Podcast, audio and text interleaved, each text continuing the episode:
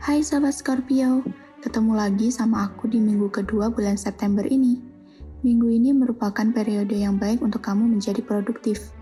Jika kamu memiliki kegiatan baru yang belum pernah kamu lakukan sebelumnya, maka jangan ragu untuk memberikan performa terbaikmu. Percintaan untuk Scorpio Lovebird. Bener-bener ya, kamu kalau udah curiga, insting mata-matamu tuh nggak bisa diremehkan. Kamu merasa lebih baik mencari tahu sendiri daripada bertanya langsung dengan pasangan. Padahal kan tinggal tanya langsung, daripada kamu galau berhari-hari, ayo. Percintaan untuk Scorpio yang masih single. Insting kamu tuh jarang meleset, kamu bisa mencium aroma mana yang buaya dan mana yang bukan.